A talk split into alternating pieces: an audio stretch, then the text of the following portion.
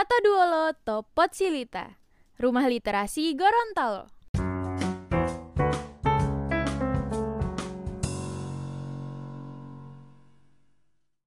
Halo sahabat literasi, ketemu lagi di Podsilita, podcast Moslita bersama saya Anissa Gobel. Nah untuk teman-teman khususnya para remaja yang sudah mulai memasuki usia dewasa pasti sering overthinking gitu dan saya pun demikian. Kalau teman-teman pasti overthinkingnya gini, gimana sih caranya untuk bisa punya penghasilan sendiri? Gimana sih uh, caranya untuk bisa membanggakan orang tua, bisa apa mengurangi beban orang tua? Nah oleh karenanya nih telah hadir narasumber kita yang sangat luar biasa. Beliau adalah anak muda Gorontalo yang sudah punya usaha sendiri di usia yang sangat muda, yakni 20 tahun. Saya hai Kak Ilham. Halo. Ya, apa kabarnya Kak? Alhamdulillah baik. Iya. Nih Kak Ilham ini kan uh, sekadar info ini mohon maaf kalau salah.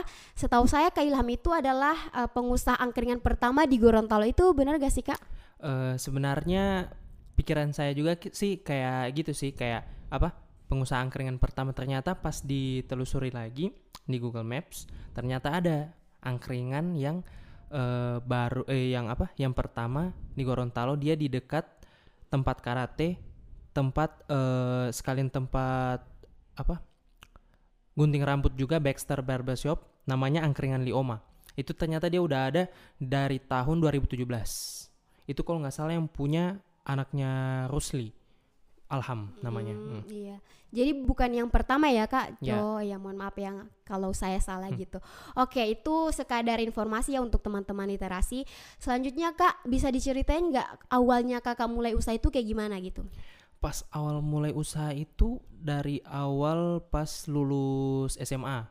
Kan pertama emang nggak ada tujuan sih mau mau jadi apa ke depannya kan. Intinya pikirannya lalu itu pengen kuliah, pengen lulus sama kerja di suatu perusahaan swasta gitu kan itu lalu pengennya masuk sistem informasi. Di situ kan uh, kalau nggak salah pelajaran di sistem informasi itu mengenai manajemen juga ada sama uh, ilmu teknologi.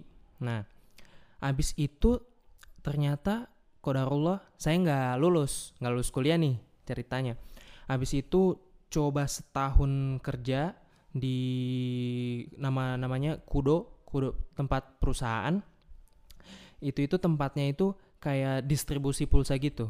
Di situ bisa bayar tagihan listrik bisa bayar uh, eh, BPJS juga.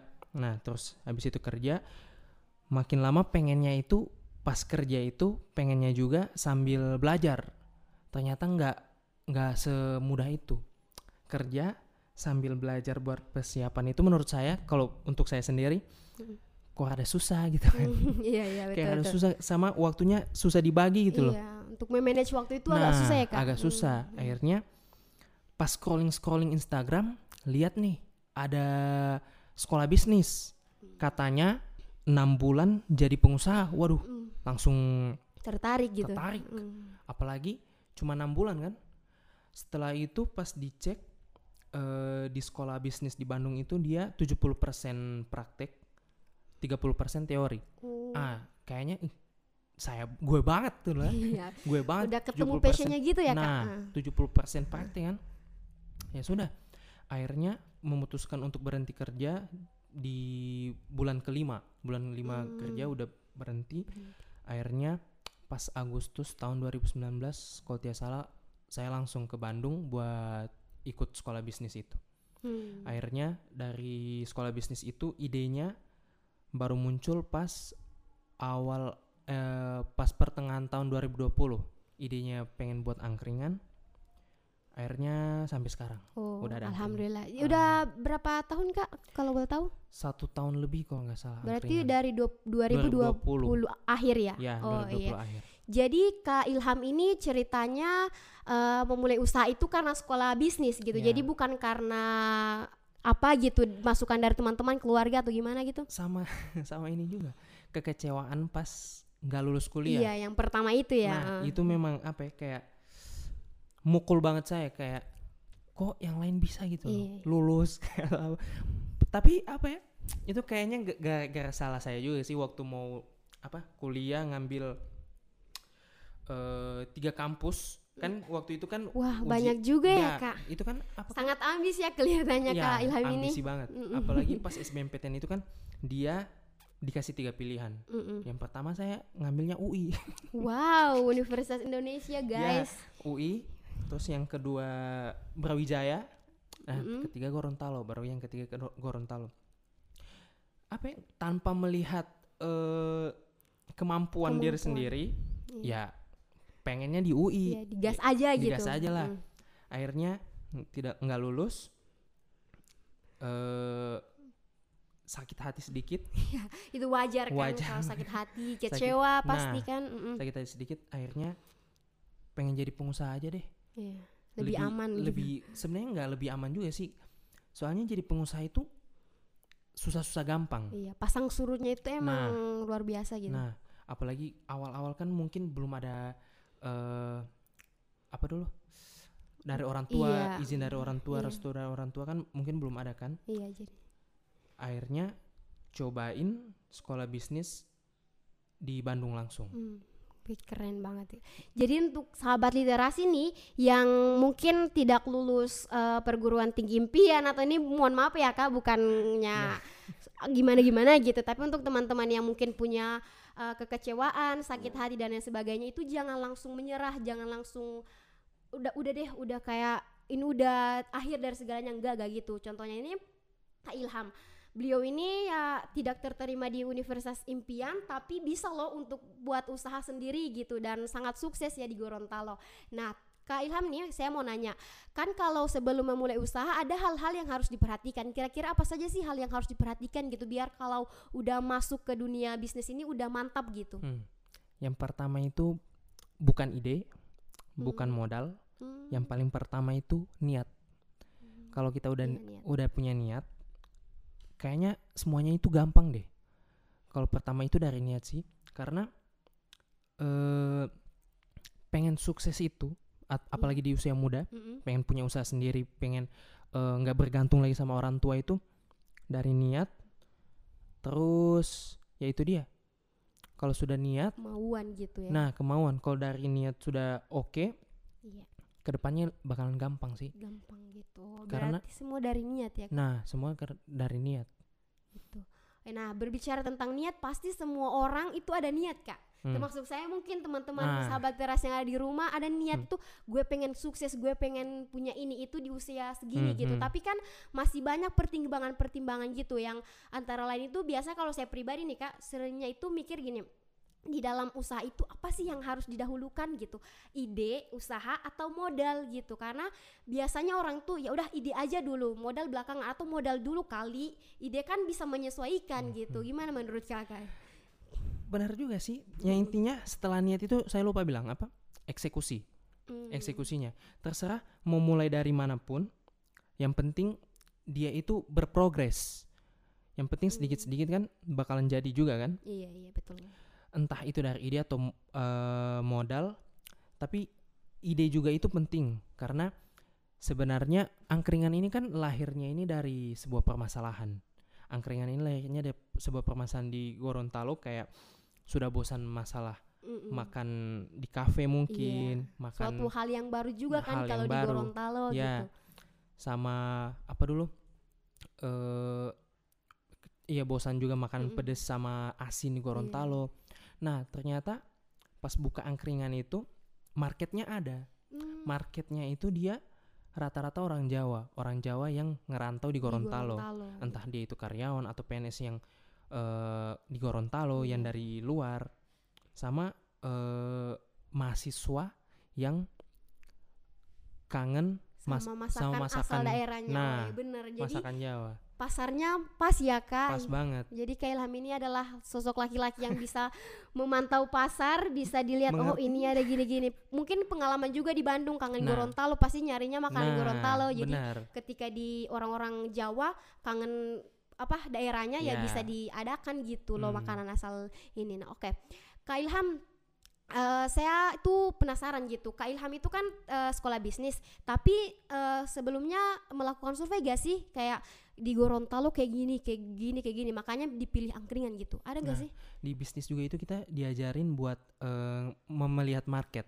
Mm. di Gorontalo ini eh, di suatu tempat ini marketnya ada nggak yang suka ini suka itu Mm. ada nggak nah di di sekolah waktu di Bandung itu diajarin buat ngelihat permasalahan yang ada makanya di podcast yang kemarin tuh yang sama Bang Alwi itu Mm, iya, paling iya. keren dia juga itu dia bilang kalau di Gorontalo ini banyak permasalahan dalam tanda kutip ya Mm, iya. yang bisa kita selesaiin dan itu bisa menghasilkan uang Mm. itu banyak banget karena di Gorontalo ini kalau mau dibandingkan kota-kota besar masih banyak potensi soalnya di kota-kota besar itu kan kebanyakan sudah ada pemainnya Mm-mm, sudah iya, ada pemain besarnya. Jadi kalau untuk masuk kayaknya rada susah gitu. rada susah karena eh, itu dia. Persaingan mungkin ya Hmm, Kak. persaingan. Jadi emang harus dibutuhkan itu mental yang kuat mental kuat. mental baja dan mau menang- menanggung risiko. Karena Hmm, mau usaha apa pun itu makanan pakaian jasa ya ujung-ujungnya pasti akan ada risiko, Risiko, gitu. Iya. jadi emang harus orang-orang yang kuat mental kalaupun orang yang tidak kuat mental ya harus belajar kuat mental Hmm. gitu kan kak. Oke kak. Eh, kalau boleh tahu nih kak bisa dijawab bisa juga enggak? Mohon maaf nih kak sebelumnya berapa sih modal awalnya Kak Ilham dalam membangun apa kuliner ini? Mungkin teman-teman juga bisa menjadi acuan gitu. Modal awal itu yang eh, yang paling tinggi itu kayaknya si gerobak itu. Hmm, itu kemarin itu buat gerobak itu dari mebel sekitar 4 juta. Dari Wis. mebel langsung jadi kayunya itu kayak kayu lemari. Kayu lemari sama Hmm, kayu iya. meja. Nah dipakai buat gerobak. Makanya ada berat itu gerobak angkringan yang itu sama perkakas-perkakas lain juga kayaknya 2 jutaan lah wow sama yang lain-lain intinya total kayaknya cuma sebenarnya itu jauh dari prediksi ya Mm-mm. soalnya maunya itu 5 juta itu udah Kebeli udah semua ya gitu. udah Iya, siap iya. udah siap apa udah siap jualan Iya. 5 juta itu ternyata ada eh, barang-barang lain yang butuh dibeli juga Hmm, ya, kayak gitu. misalnya kompor itu juga harus beli lagi buat Iya. bakarin bara kan Iya. terus modal awal buat beli bahan-bahan pokok juga itu ada Hmm. ah sama satu lagi yang tadi sempat singgung masalah eh, apa modal bukan yang satunya lagi yang sebelumnya ide. ide, atau apa itu iya ah niat, resiko nah, resiko resiko. Iya. dari resiko itu kita semakin eh kita waktu masih muda kayak gini lebih cocok buat nerima banyak resiko Hmm, karena iya iya. takutnya pas udah gede udah gede nanti udah punya anak mungkin atau udah punya istri iya. takutnya itu kita nggak bisa menerima risiko gara-gara udah punya tanggungan. Hmm, enaknya di udah enaknya bikin usaha pas masih muda iya. kita kalau rugi atau kita usaha kita gagal kita dapat pengalaman. Hmm, kita dapat betul, pengalaman betul. dan kita kayaknya nggak rugi ap- apa-apa deh. Karena uang yang udah kita keluarin itu bisa dikonversi jadi pengalaman Hmm, betul. makanya eh saya pengen usaha semudah mungkin punya Mm-mm. bisa sukses semudah mungkin itu gara-gara masalah itu juga iya takutnya pas udah gede nanti udah terbiasa hidup enak Nah. jadi ketika down waduh nah gimana nih nah gitu. jadi pusing iya iya apalagi udah ada tanggungan mungkin cicilan juga mungkin Mm-mm.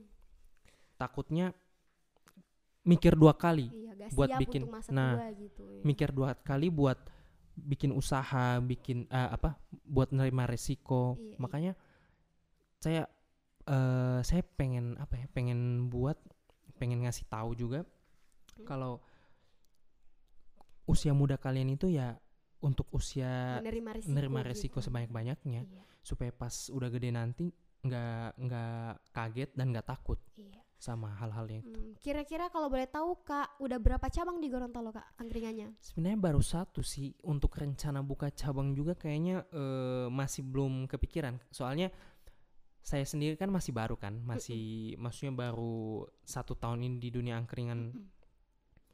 Masalah produksi, masalah eh, marketing juga juga harus masih saya yang handle. Maksudnya di Hmm. produksi masalah pembakaran juga itu masih saya yang handle karena belum ada karyawan khusus gitu kak yang Karyawan- kanan-kanan gitu karyawan sebenarnya eh, bisa sih cuma kalau untuk pertama begini di bisnis itu namanya eh, memaksimalkan profit jadi eh, pakai kita dulu sendiri Mm-mm. sampai mungkin uangnya udah kekumpul udah cukup sampai kita udah kuasain benar juga masalah bisnis kita ini misalnya angkringan saya pengen kuasain dulu lah ternyata di angkringan ini cacatnya di mana sih ternyata di angkringan ini bakarnya nggak boleh kayak gini Oh, ada tekniknya ada gitu ya? tekniknya Oh, saya kira asal-asalan udah Oh, yang penting dipanggang, yang penting Enggak. jadi masuk perut, udah kenyang. Kadang- saya kira gitu, Kak. kadang misalnya misalnya kalau kelamaan bakar mungkin gosong kan Uh-uh. sama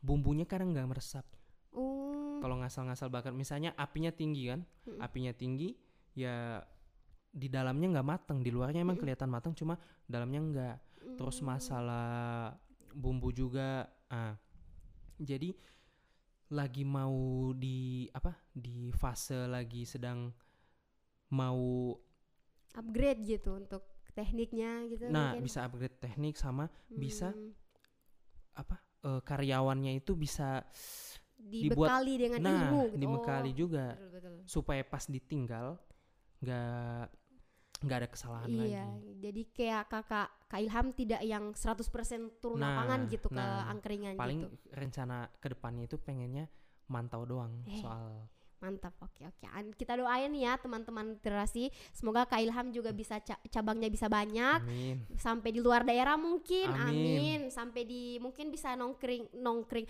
angkringan itu bisa nongkrong di apa? Di dekat UI. Jadi kan bisa sekalian mantau UI. Wah ini kampus impian gue Mantau dulu doang. nih, gitu. Iya mantau doang, tapi gak apa-apa lah ya, bisa masuk karena usahanya gitu.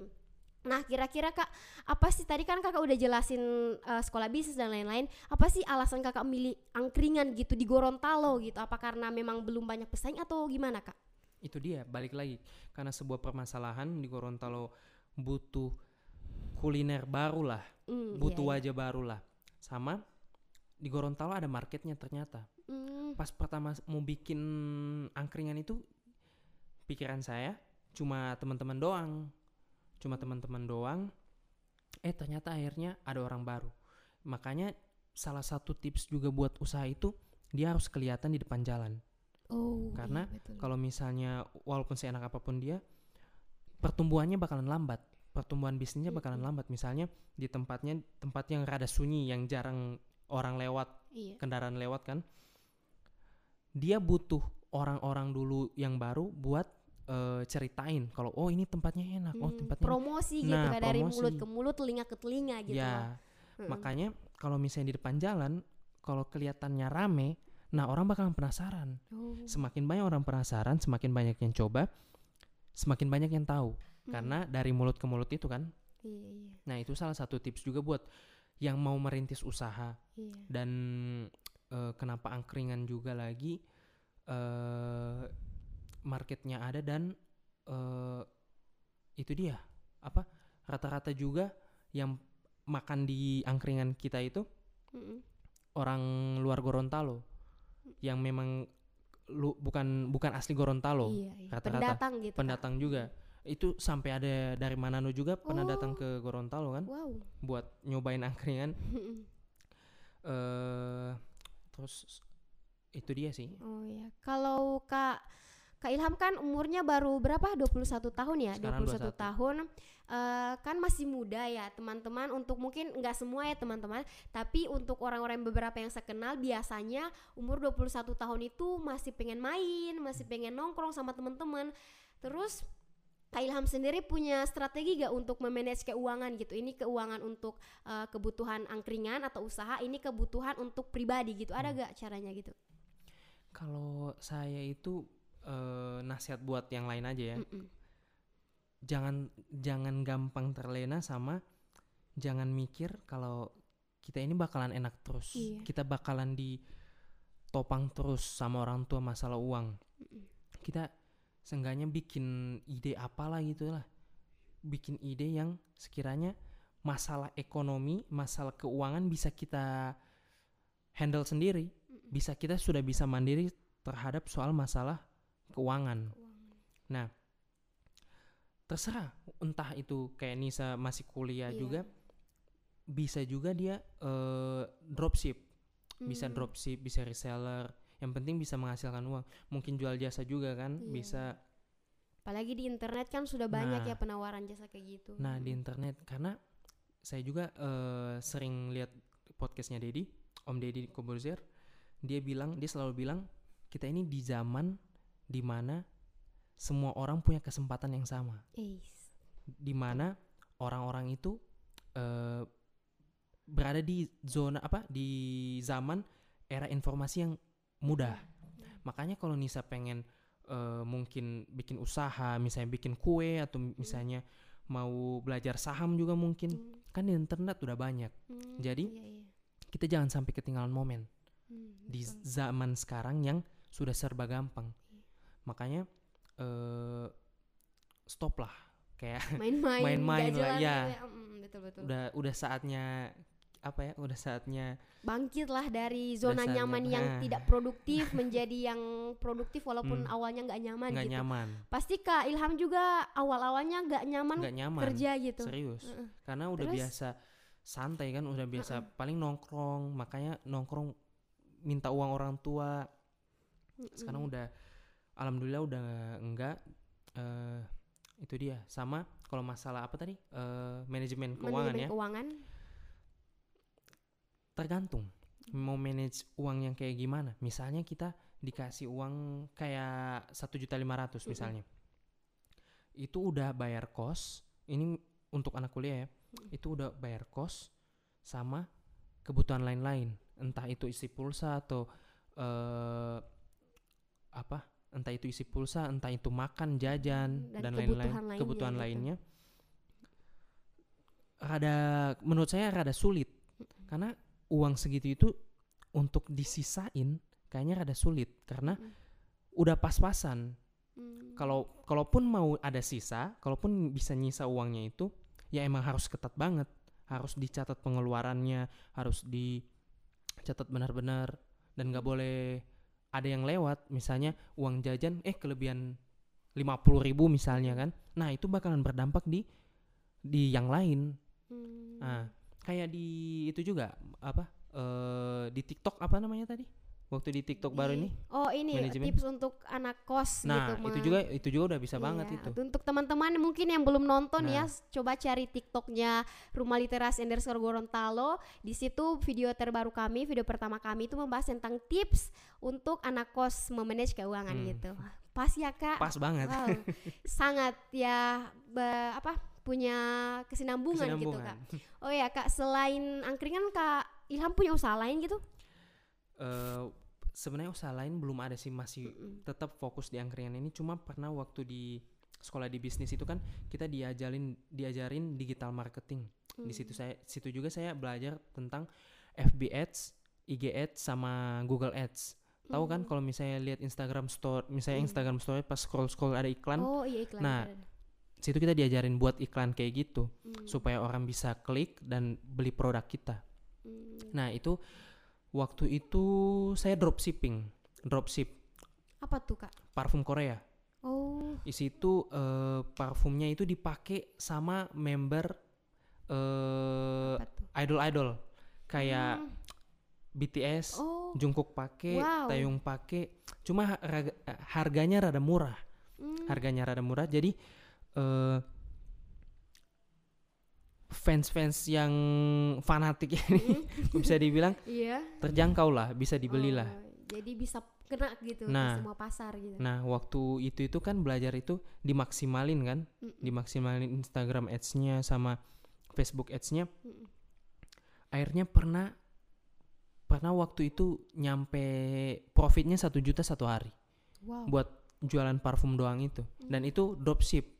Dropship kan sistemnya nggak ada barang di kita Iya, kan. Cuman promosi aja terus Nah, promosi langsung kirim barang gitu. nah kirim barang. Hmm, gitu. Kira-kira kan sudah sekitar setahun lebih kan usahanya Kak Ilham ini. Apa sih suka duka selama menjadi pengusaha muda? Insya Allah sukses juga di Hmm. Amin. Gorontalo dan bisa eh, ke nasional juga Hmm. ke luar daerah. Gimana sih suka dukanya Kak? Dukanya dulu kali ya. Heeh, dukanya. Dukanya itu Kita harus bersedih untuk senang-senang. senang-senang bersedih betul, dulu betul, lalu bersenang-senang iya, gitu kan. karena kalau senang dulu tapi sedih di akhir, Akhir, ya ya. ngapain gitu. gitu. ya apa kamu mau nih jadi Oke. curhat malah nih gitu. Dukanya itu ya paling itu. Kan masih muda kan tahu lah. Kalau anak muda itu pengennya main like main dulu, pengen senang-senang dulu kan, pengen apa jalan-jalan bareng teman-teman kan.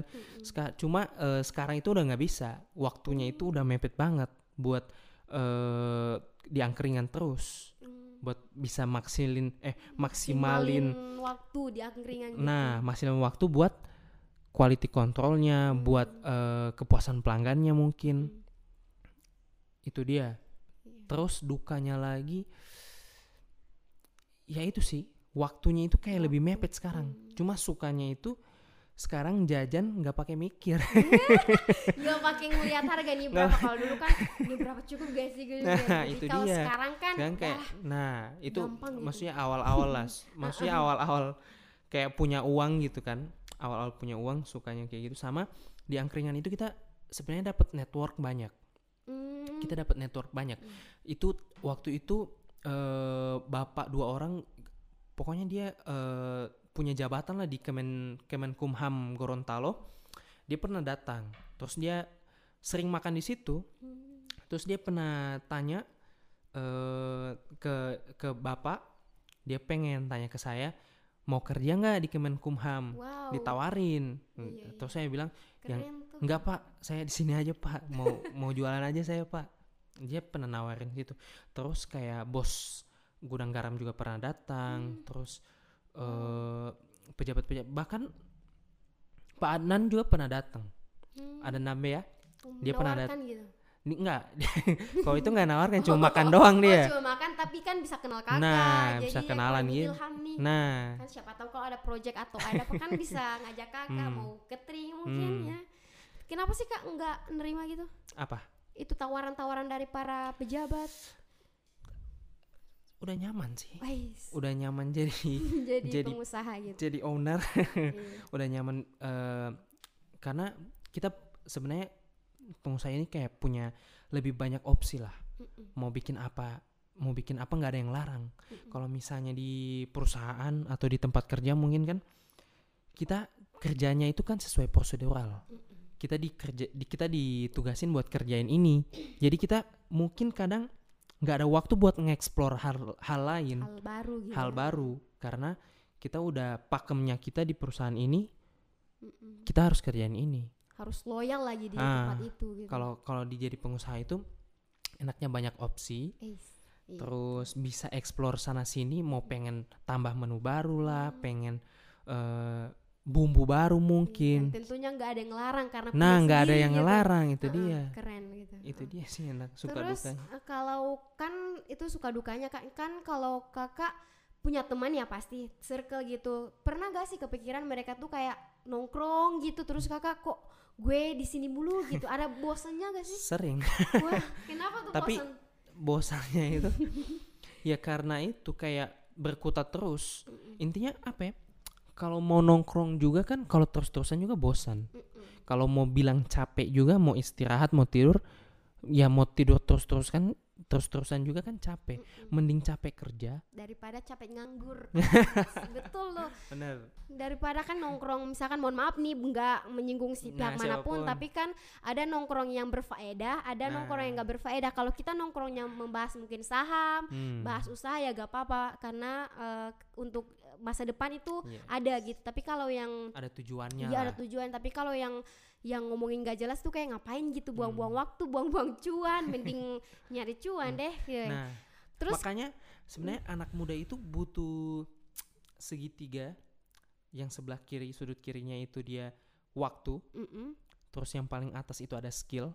Yang- terus yang paling kanan itu ada money uang. Oh, Jadi dari waktu itu kita kita rubah waktu kita apa belajar hal-hal yang bermanfaat yang belajar masalah mungkin skill eh, coding, mungkin skill desain.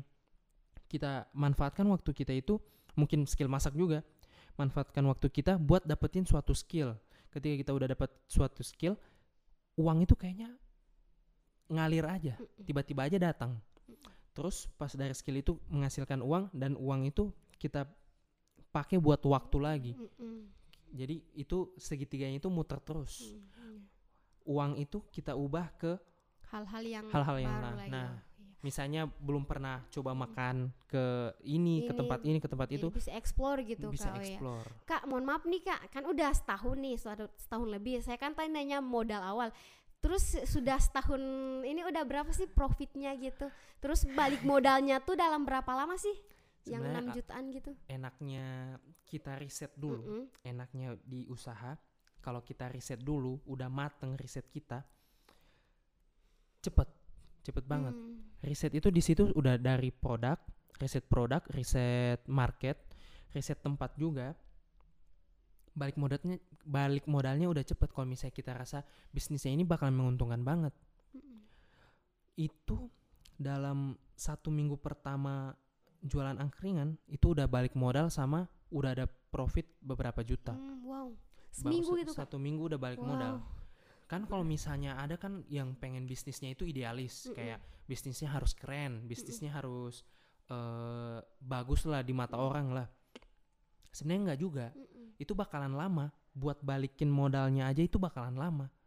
Kita bakalan ngerasain profitnya itu bakalan lama juga. Mm-mm. jadi saran saya juga buat teman-teman yang pengen usaha yang Mm-mm. baru mulai usaha nggak usah. Nggak usah usaha eh yang, yang- propertinya justru lebih Nah, mahal daripada kualitas nah bahan kita makanan belum nah gitu. kita kan belum tahu ini udah udah tes ngangenin nggak Hmm, makanannya? Udah keuji marketnya nerima nggak?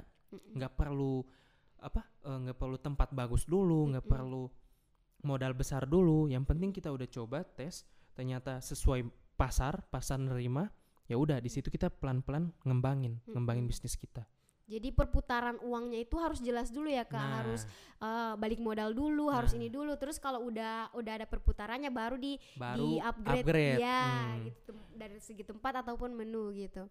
Ya kan kak kalau pengusaha itu setahu saya kan top and downnya itu kan parah banget ya pasang Parah surutnya banget. itu parah kalau naik Naik naik banget. banget kalau down ya down banget gitu. Kira-kira menurut kakak perlu gak sih untuk nyiapin dana darurat atau ya udahlah eh, nikmatin atau nunggu dari hasil perputaran yang udah ada gitu? Hmm. Dana darurat eh, penting, dana darurat penting. Cuma cash flow yang di usaha itu lebih penting. Soalnya makanya kita kalau ada usaha jangan melulu mikir kita bakalan dapat duit terus, uangnya bakalan muter terus. Enggak, enggak gitu. Makanya misalnya kita udah yakin usaha kita bakalan maju terus, bakalan ngasilin profit terus. Kita coba nyicil mobil misalnya Mm-mm. pas kalau misalnya usaha kita lagi lesu, us- usaha kita lagi nggak seprofit kemarin-kemarin, nah cicilannya mau bayar pakai apa? Hmm, Jadi- kecuali mobilnya buat dipakai buat Wah, ojek atau nah itu yang bisa, yang online, produktif, yang ya. produktif kan? Iya iya betul. Ma- intinya gitu sih, jangan jangan mikir kalau eh, usaha kita itu bakalan maju terus, nggak ba- nggak apa? Jangan mikir kalau usaha kita bakalan profit terus, kita harus eh, bisa tahan diri lah. Mm. tahan diri termasuk dana darurat tadi itu penting juga buat kalau misalnya ada kejadian nggak terduga nggak terduga di Covid kan kemarin Nah, kan nah, nggak ada yang tahu tiba-tiba kan. Sektor ekonomi tutup. tuh ah Iya. nggak ada yang tahu kan misalnya mungkin eh, mungkin ininya rusak atau apa Hmm, kan gitu. sih Ada, jadi akan ada dana darurat, Darurat. gitu. Nah, tuh teman-teman, jadi kita kalau jadi pengusaha itu apalagi masih awal itu jangan mikir manis-manisnya doang Nah. gitu. Manis ya manis, tapi kan ada risiko-risiko yang emang susah ya kalau di Hmm. jalan ya apalagi untuk orang yang baru mulai pasti mentalnya itu bakal aduh gimana nih Hmm. mulangin apa eh modal terus muterin eh, keuangannya itu Iya. gimana memanage keuangan itu bakalan susah terutama untuk yang eh, masih biasanya nih Kak kalau pengalaman saya kan juga pernah usaha tapi sering banyak bisikan-bisikan yang nah. Gimana saya mau mulai usaha misalkan pakaian. Tapi ada yang bilang eh nggak bakal laku gitu karena udah banyak yang jual pakaian. Makanan eh ini mak apa makanan lu itu udah kayak nggak mengikuti zaman gitu. Itu kira-kira gimana sih tips untuk membungkam mulut-mulut mereka itu gitu? Emang kita sih cuma punya dua telinga ya eh, dua tangan untuk menutupi telinga tapi kan ya gimana ya mental apalagi perempuan kan? Gimana tuh kak? Sebenarnya usaha pertama yang saya bilang tadi Mm-mm. masih muda nggak apa-apa terima risiko sebanyak-banyaknya kalau toh rugi kita nggak tinggal di jalanan kok toh Mm. kalau rugi kita kan masih tinggal di rumah orang tua kalau rugi pun kita masih dikasih makan sama Oh, orang, tua. nah gitu. nggak ada ruginya nggak apa-apa coba aja terus explore ketika kita udah dapetin apa ide atau kita udah dapetin pola yang pas buat kita biasanya kita punya ide baru lagi punya ide baru yang eh misalnya eh, membuat hal baru. Misalnya kalau misalnya jualan baju misalnya makanan yang udah out of date begitu udah nggak zamannya mungkin pas awal-awal eh, kurang laku atau gimana. Cuma di situ kita belajar. Ternyata ada celah yang bisa kita masuk supaya kita bisa buat ide yang baru lagi. Sebenarnya nggak masalah sih intinya eh, coba aja terus cuma saya tekankan juga kalau misalnya pengen usaha saya juga pernah waktu itu bikin pentol itu kan lalu namanya pentol julid di Hmm. Jakarta itu sampai masuk hitam putih Wow. orangnya itu sampai masuk hitam putih bukan bukan punya saya oh ya. iya, iya. punya Maksudnya saya yang lain Nah, kakak gitu. saya kira, wow Kak Ilham harus sudah mau dicari di YouTube beneran. ya? Saya udah mau nyari di YouTube. Abis ini saya bakal Nggak, nyari di. YouTube. Oh, Ternyata Itu sejenis gitu. namanya pentol julid Mm-mm. dia duluan kan dia viral penjualannya membludak sampai ribuan pieces berapa berapa hari gitu loh terus saya nyoba saya dapat celahnya di situ celahnya di situ itu eh dia produk ini nggak bisa dikirim di luar Jawa Hmm. kayak ke Kalimantan ke Sulawesi itu dia nggak bisa karena ketahanan produknya eh, nggak begitu kuat Hmm. akhirnya saya coba bikin baru namanya bakso mafia Wow. namanya mafia? bakso mafia soalnya mafia identik sama pedes-pedes mungkin kan Heeh. merah kan Mm-mm. saya bikin bakso mafia itu pentolnya juga dia pedes sama dibalurin saus frozen dia Mm, itu udah pernah kirim ke Singapura sama sama Malaysia Punya kakak tuh. punya saya kalau itu punya Wow, saya Kalau kira-kira waktu itu pentol itu kakak ada sendiri atau dengan orang lain gitu? nah kita Mitra? eh, baksonya buat eh, pentolnya itu buat sama Akang si Akang Kang Enjus lah namanya Hmm, jadi ada mitranya gitu. ada mitranya jadi pesan ke dia bakso sama apa ya saling saling menguntungkan lah Iya. dia untung ada dapat orderan bakso Iya. saya juga untung dapat eh, Customer, customer baru, baru. gitu. Jadi simbiosis mutualisme gitu ya. akhirnya ikut-ikutan eh, profitnya nggak sesuai sama ekspektasi Mm-mm, bakal kiranya bakalan se booming dia eh mm-mm. ternyata nggak juga cuma eh, intinya begitu sih eh, kita harus lebih bisa lihat kondisi ketika ada suatu hal suatu masalah dan kita bisa mencahin mencahin masalah itu entah itu dari produk atau entah itu dari jasa kita bakalan laku kita bakalan dapat cuan kita dapat eh, permintaan kita bakalan banyak Hmm. jadi kalau misalnya anak-anak eh, apa teman-teman yang pengen buka usaha, coba lihat eh, usaha yang udah ada di Jawa mungkin, tapi belum ada di Gorontalo. Dan ketika itu lihat marketnya ada nggak, market itunya ada nggak, sesuai nggak sama budget eh, Yang dimiliki. yang sesuai nggak budget sama yang apa budget orang Gorontalo sesuai Oh, nggak iya, iya. nah kalau misalnya budget kita juga ah kadang kita ide kita itu terbatas gara-gara budget Mm-mm. misalnya kita pengen misalnya kita pengen buat suatu usaha tapi yang di mindset kita itu cuma kafe mungkin Iya. Misalnya Tapi toko baju yang sesuai pasar gitu Nah, kan. nggak sesuai pasar. Makanya kita bisa mengerucutkan dikit keinginan kita buat bikin usaha tapi dengan budget cuma segini. Bisa nggak budget cuma segini tapi ide bisnisnya beda sama yang lain? Nah itu sebenarnya banyak. Apalagi di Gorontalo masih pemain-pemain apa pemain-pemain bisnis itu pemain-pemain UKM UKM gini masih sedikit jadi pasar Gorontalo masih banyak Hmm, gitu kak. Oke mungkin kakak punya sebelum kita tutup punya apa namanya motivasi gitu untuk para eh, teman-teman sahabat literasi untuk memulai usaha gitu Hmm. gimana? intinya eh, jangan pernah takut, jangan pernah menyerah. Kita masih muda, kita harus bisa menerima resiko sebanyak-banyaknya karena toh kalau misalnya kita gagal, kita nggak hidup di jalanan, kita nggak tinggal di jalan, kita tetap dapat makan dari orang tua. Jangan dengerin kata orang, karena kadang kata orang itu bisa ngehambat eh, progres kita, bisa ngehambat kemajuan kita. Sama eh, kalau pengen buka usaha, tipsnya itu tempat. Eh pertama itu marketnya dulu. Niat. Market, ah niatnya dulu. Oh sorry Niat sorry. dulu. Niatnya dulu.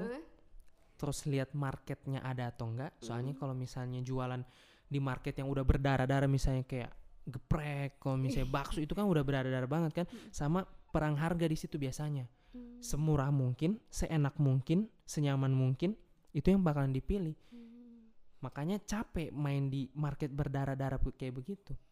Untungnya cuma sedikit, Tapi pengeluarannya. pengeluarannya banyak. Ngarepin ngarepin konsumen ngarepin konsumen apa? Banyak terus kan? Terus eh tempat juga ngaruh. Habis itu Relasi mungkin. relasi nggak juga sih. Hmm. Yang penting ah relasi juga mungkin bisa. Soalnya untuk pas pertama awal itu kita butuh endorse Promosi promosi, gitu, ke iya. teman-teman buat ke story. Itu kayak di angkringan itu kan teman-teman RLG juga kan Iya. pada ngebantuin, ngebantuin promosi. Kaan juga dia ngebantuin ya. Ya alhamdulillah gitu. Oke. Jadi teman-teman sudah sekian lama ya kita ngobrol dan banyak banget eh, informasi, ilmu dan pengalaman yang sangat bermanfaat dari Kak Ilham yang dibagikan kepada saya dan juga teman-teman yang ada di rumah. Saya doakan semoga angkringan dan usaha-usaha selanjutnya Amin. ya Kak Ilham bisa berjalan dengan lancar dan doakan juga kami semoga bisa mengikuti jalannya dan jejaknya Kak Ilham untuk terjun di dunia bisnis dan berani untuk mengambil risiko gitu. Oke, mungkin sekian dari kami. Untuk sahabat literasi di rumah, jangan lupa untuk like, komen, share, subscribe, dan nyalain notifikasinya agar teman-teman tidak ketinggalan informasi dan video baru dari kami. Oke, mungkin sekian dulu. Bye. Sa- Salam literasi. Oke, salam literasi dulu ke Kak. Salam Oke. literasi.